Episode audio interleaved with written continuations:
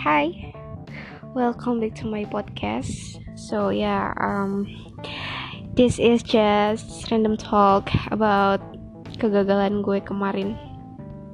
Jadi beberapa hari yang lalu gue sempat merasakan apa ya kesedihan yang berkepanjangan, uh, sedikit depresi dan stres tapi alhamdulillah gue bisa mengatasi itu semua dan bisa menyembunyikannya dari beberapa orang terutama hmm, keluarga gue.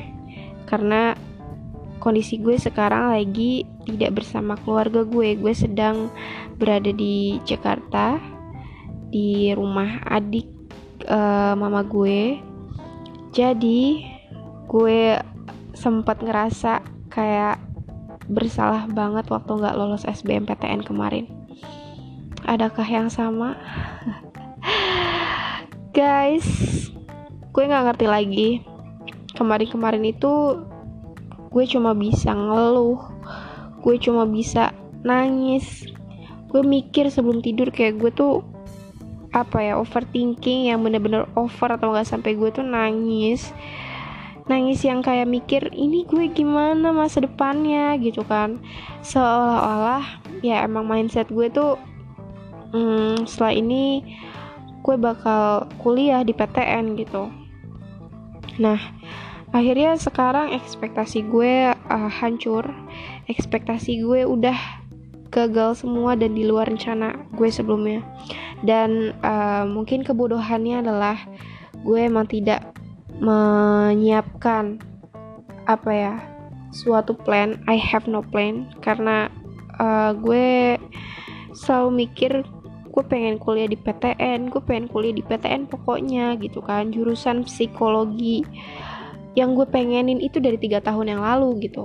Tapi ternyata semuanya tuh gagal. Semuanya hancur semuanya oke okay, intinya gue nggak bisa dapetin psikologi tahun ini. Ah sedih banget sih kalau harus diingat-ingat terus. But uh, life is must let it flow about life. Gue harus bisa jalan ke depan karena hidup bakal terus jalan gak bisa stuck di situ doang. Gue mikir jadi ceritanya gue itu kalau boleh sedikit cerita uh, tentang kegagalan gue. Gue itu sebenarnya udah merasakan gagal itu dari uh, waktu SMP mau ke SMA gue gagal masuk SMA favorit di salah satu uh, dekat rumah gue gitu. Terus ya pokoknya itu SMA impian gue. Dan yang lain teman-teman gue pada masuk sana. Ya rasanya tuh gimana ya? Kayak tiba-tiba harus masuk ke SMA yang sama sekali gue gak pengen gitu dulu sama sekali gue mikir ya ampun seburuk itu kah? Seburuk itu kah gue sampai nggak bisa masuk SMA impian gue gitu kan. Ya kayaknya emang emang otak gue yang pas-pasan juga sih sampai akhirnya kayak gue nggak bisa masuk. Dan yang bikin sedihnya adalah nilai gue cuma beda 0,5 baiklah tidak apa-apa. Gak usah diungkit-ungkit lagi. Ya karena itu bikin jujur kayak masih uh, kayak aduh kenapa sih dulu itu harus gini gini gini gini gitu kan. Tapi ya gak perlu disesalin sekarang. Oke. okay hidup terus jalan ke depan. Gue selalu ingat itu. Ketika gue bolak-balik lagi ke titik yang belakang maksudnya kayak gue ingat-ingat lagi aduh gue bakal terus ingat mindset gue hidup bakal terus jalan ke depan saya villa dan akhirnya setelah gue mm, masuk ke SMA sana jujur gue rasanya kayak tersiksa. Tersiksa gue sedih tiap hari apalagi uh, waktu awal-awal masuk ya ketika teman-teman gue bisa have fun dengan sekolahnya, kegiatan di sekolahnya, bahkan awal-awal masa orientasi itu mereka menyenangkan, tapi gue nggak bisa merasakan itu. Gue sedih banget, gue nggak tahu harus gimana dan parahnya circle gue adalah sekolah rumah doang. Gue benar-benar males banget sama yang namanya di sekolah dulu ya. Terus um, dulu itu waktu SMP gue lumayan aktif di berbagai organisasi terus eskul juga gue sempat pegang eskul kesenian waktu itu sampai akhirnya gue tuh dulu tuh suka banget di sekolah waktu SMP kayak pulang tuh selalu melebihi jamnya gitu. Ketika pulang harusnya jam 2 tapi gue malah pulang jam 5 maghrib kadang kalau ada rapat atau apa gitu kan. Dulu tuh gue senang banget betah gitu di sekolah. Tapi ketika SMA gue rasanya pengen buru-buru pulang gitu. Rasanya pas lagi belajar tuh gue juga pengen banget cepat bel pulang. Tapi yang bikin gue uh, merasa terobati adalah mungkin dengan lingkungannya teman-teman gue yang baru. Mungkin kalau gue masuk sekolah impian SMA waktu itu circle gue bakal sama gitu. Maksudnya gue nggak uh, gue bakal dapat teman baru cuma nggak banyak loh. Kayak ya intinya mm, dari SMP gue ke SMA yang ini itu kayak banyak gitu yang masuk situ. Jadi istilahnya ya mungkin kalau gue lihat sekarang ya kayak circle pertemanan ini tuh itu gitu. Mas masih sama kayak yang SMP nah ketika gue masuk SMA yang baru yang menurut gue itu saat itu buruk sekali kelihatannya. Eh, sangat-sangat tersiksa tapi kenyataannya di dalamnya itu lingkungannya ya ampun subhanallah sekali. Gue mendapatkan teman-teman baru yang sangat-sangat baik. Gue dikelilingi orang-orang baru gue dikelilingi mm, guru-guru yang sangat baik gitu. Terus akhirnya gue mempunyai circle persahabatan yang aduh sangat-sangat apa ya kalau sampai sekarang tuh masih bisa dibilang itu terbaik banget lah daripada SMP ya. Dulu waktu SMP gue punya circle pertemanan yang sampai sekarang pun masih. Cuma gue itu kan tipe anak yang emang tidak bisa berteman maksudnya gue bisa berteman sama siapa pun. Cuma circle persahabatan persahabatan itu kayak semacam gue tuh harus gue tuh bisa deket sama orang itu terus. Apa pun anything gue ceritain apa pun gitu.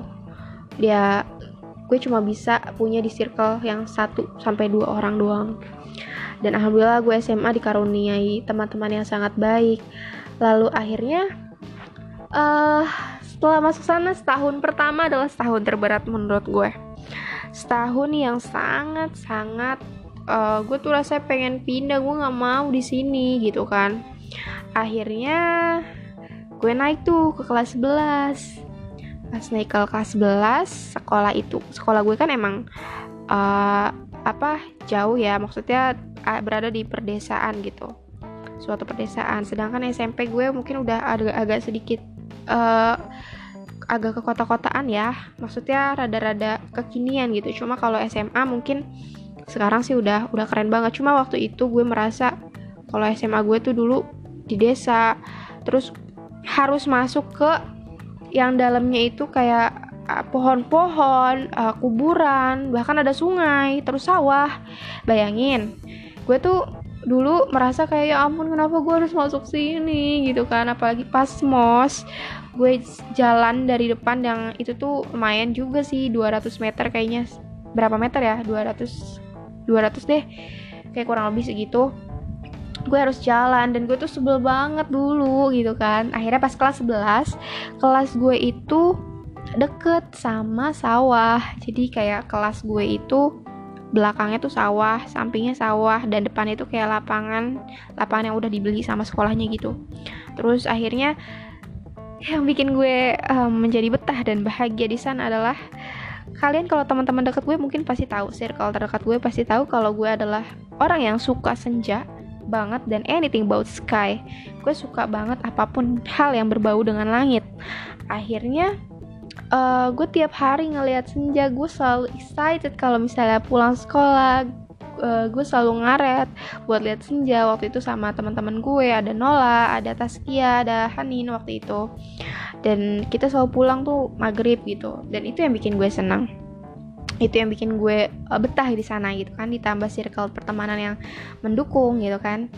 Ya itu kelas 11 gue berat, berat betapa apa ya betapa bahagia sekali gitu walaupun cuma ngeliat senja uh, oke okay, jadi itu ya salah satunya yang bikin gue betah dan kelas 12 kelas 12 kelas gue pindah lagi ke depan. Tapi uh, gue merasa senang karena kelas 12 itu adalah kelas yang paling kompak kalau menurut gue. Kekeluargaannya dan yang lain walaupun kita uh, bermacam-macam opini di dalamnya bermacam-macam uh, karakter di dalamnya cuma gue rasa uh, itu adalah sebuah persatuan yang menurut gue tuh karena itu loh karena hal itu kita bisa satu sama lain mengerti satu sama lain ada toleransi gitu. Waktu itu gue mikir kelas 12 adalah sampai sekarang ya emang gue merasa kelas 12 adalah kelas yang paling paling paling solid gitu. Ya gitu deh. Terus ditambah lagi uh, banyak sekali kegiatan di kelas 12 waktu itu. Ada lomba lomba antar kelas ya yang bikin kita jadi kayak pulang ngaret terus akhirnya kekeluargaannya makin-makin lah gitu pokoknya.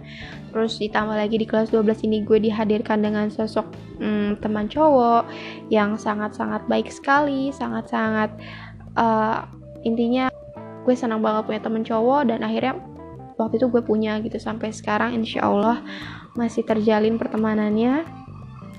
Ya walaupun akhirnya setelah um, sekolah kan biasa ada graduation but aku tidak merasakan graduation tahun ini karena pandemi corona. Baiklah tidak apa-apa karena yang paling penting dan yang paling mengesankan sebenarnya bukan hari terakhir kita sekolah tapi hari-hari di dalamnya yang terjadi. Dan menurut gue setahun pertama yang uh, tidak begitu bu maksudnya begitu buruk dan dua tahun setelahnya adalah tahun yang terbayarkan gitu. Maksudnya uh, gue merasa tidak menyesal sama sekali. Gue merasa bangga sekali dengan diri gue dan gue bangga sama sekolah gue. Pokoknya intinya semua sekolah itu sebenarnya gak ada yang buruk. Tergantung uh, kita di dalamnya gimana gitu. Dan waktu itu gue tuh kayak iri banget sama teman-teman gue yang bisa have fun. Entah sama kegiatan di sekolah kayak ekstrakurikuler dan lain-lain. Dan gue tuh sebenarnya nggak bisa waktu itu. Terus sekolah teman-teman gue yang sekolah di kota itu bisa kayak tiap hari nongkrong. Kan karena di kota itu banyak uh, cafe-cafe shop sama mall juga. Jadi kayak mereka bisa tiap hari gitu. Sedangkan gue gue bersyukur banget masuk sana karena uh, gue bisa menjadi lebih banyak melihat ke bawah dibandingkan melihat ke atas terus. Gue masih uh, bisa merasakan bersyukur toleransi dengan sesama. Dan karena tuh teman-teman gue waktu itu kebanyakan mayoritas yang masih waktu kelas 10 ya waktu itu gue merasa uh, dulu tuh jarang banyak yang tahu. Ketika maksudnya ketika gue SMP tuh gue udah tahu mengenai hal itu dan dia tuh belum tahu. Jadi gue tuh merasa kayak ya ampun ternyata masih banyak loh orang-orang yang belum tahu tentang hal ini gitu. Jadi gue merasa bersyukur kita bisa sharing dan uh, gue merasa bersyukur kita bisa hmm, gue bisa berbagi pengalaman sama mereka gitu. Jadi ya ini kisah kegagalan SMA gue. Ya udah begitu saja. So uh, sorry ini emang random talks banget. Dan maaf kalau ngaco. Terima kasih yang udah denger. Oh ya buat kalian yang merasa gagal um, gak usah ngerasa sedih. Karena hidup bakal terus jalan ke depan. Uh, kalian harus yakin bahwa ada sesuatu yang bakal nunggu kalian di depan sana kita berjuang bareng-bareng ya karena yang gagal gagal itu bukan kamu sendiri tapi aku juga dan kita semua. See you on the next podcast.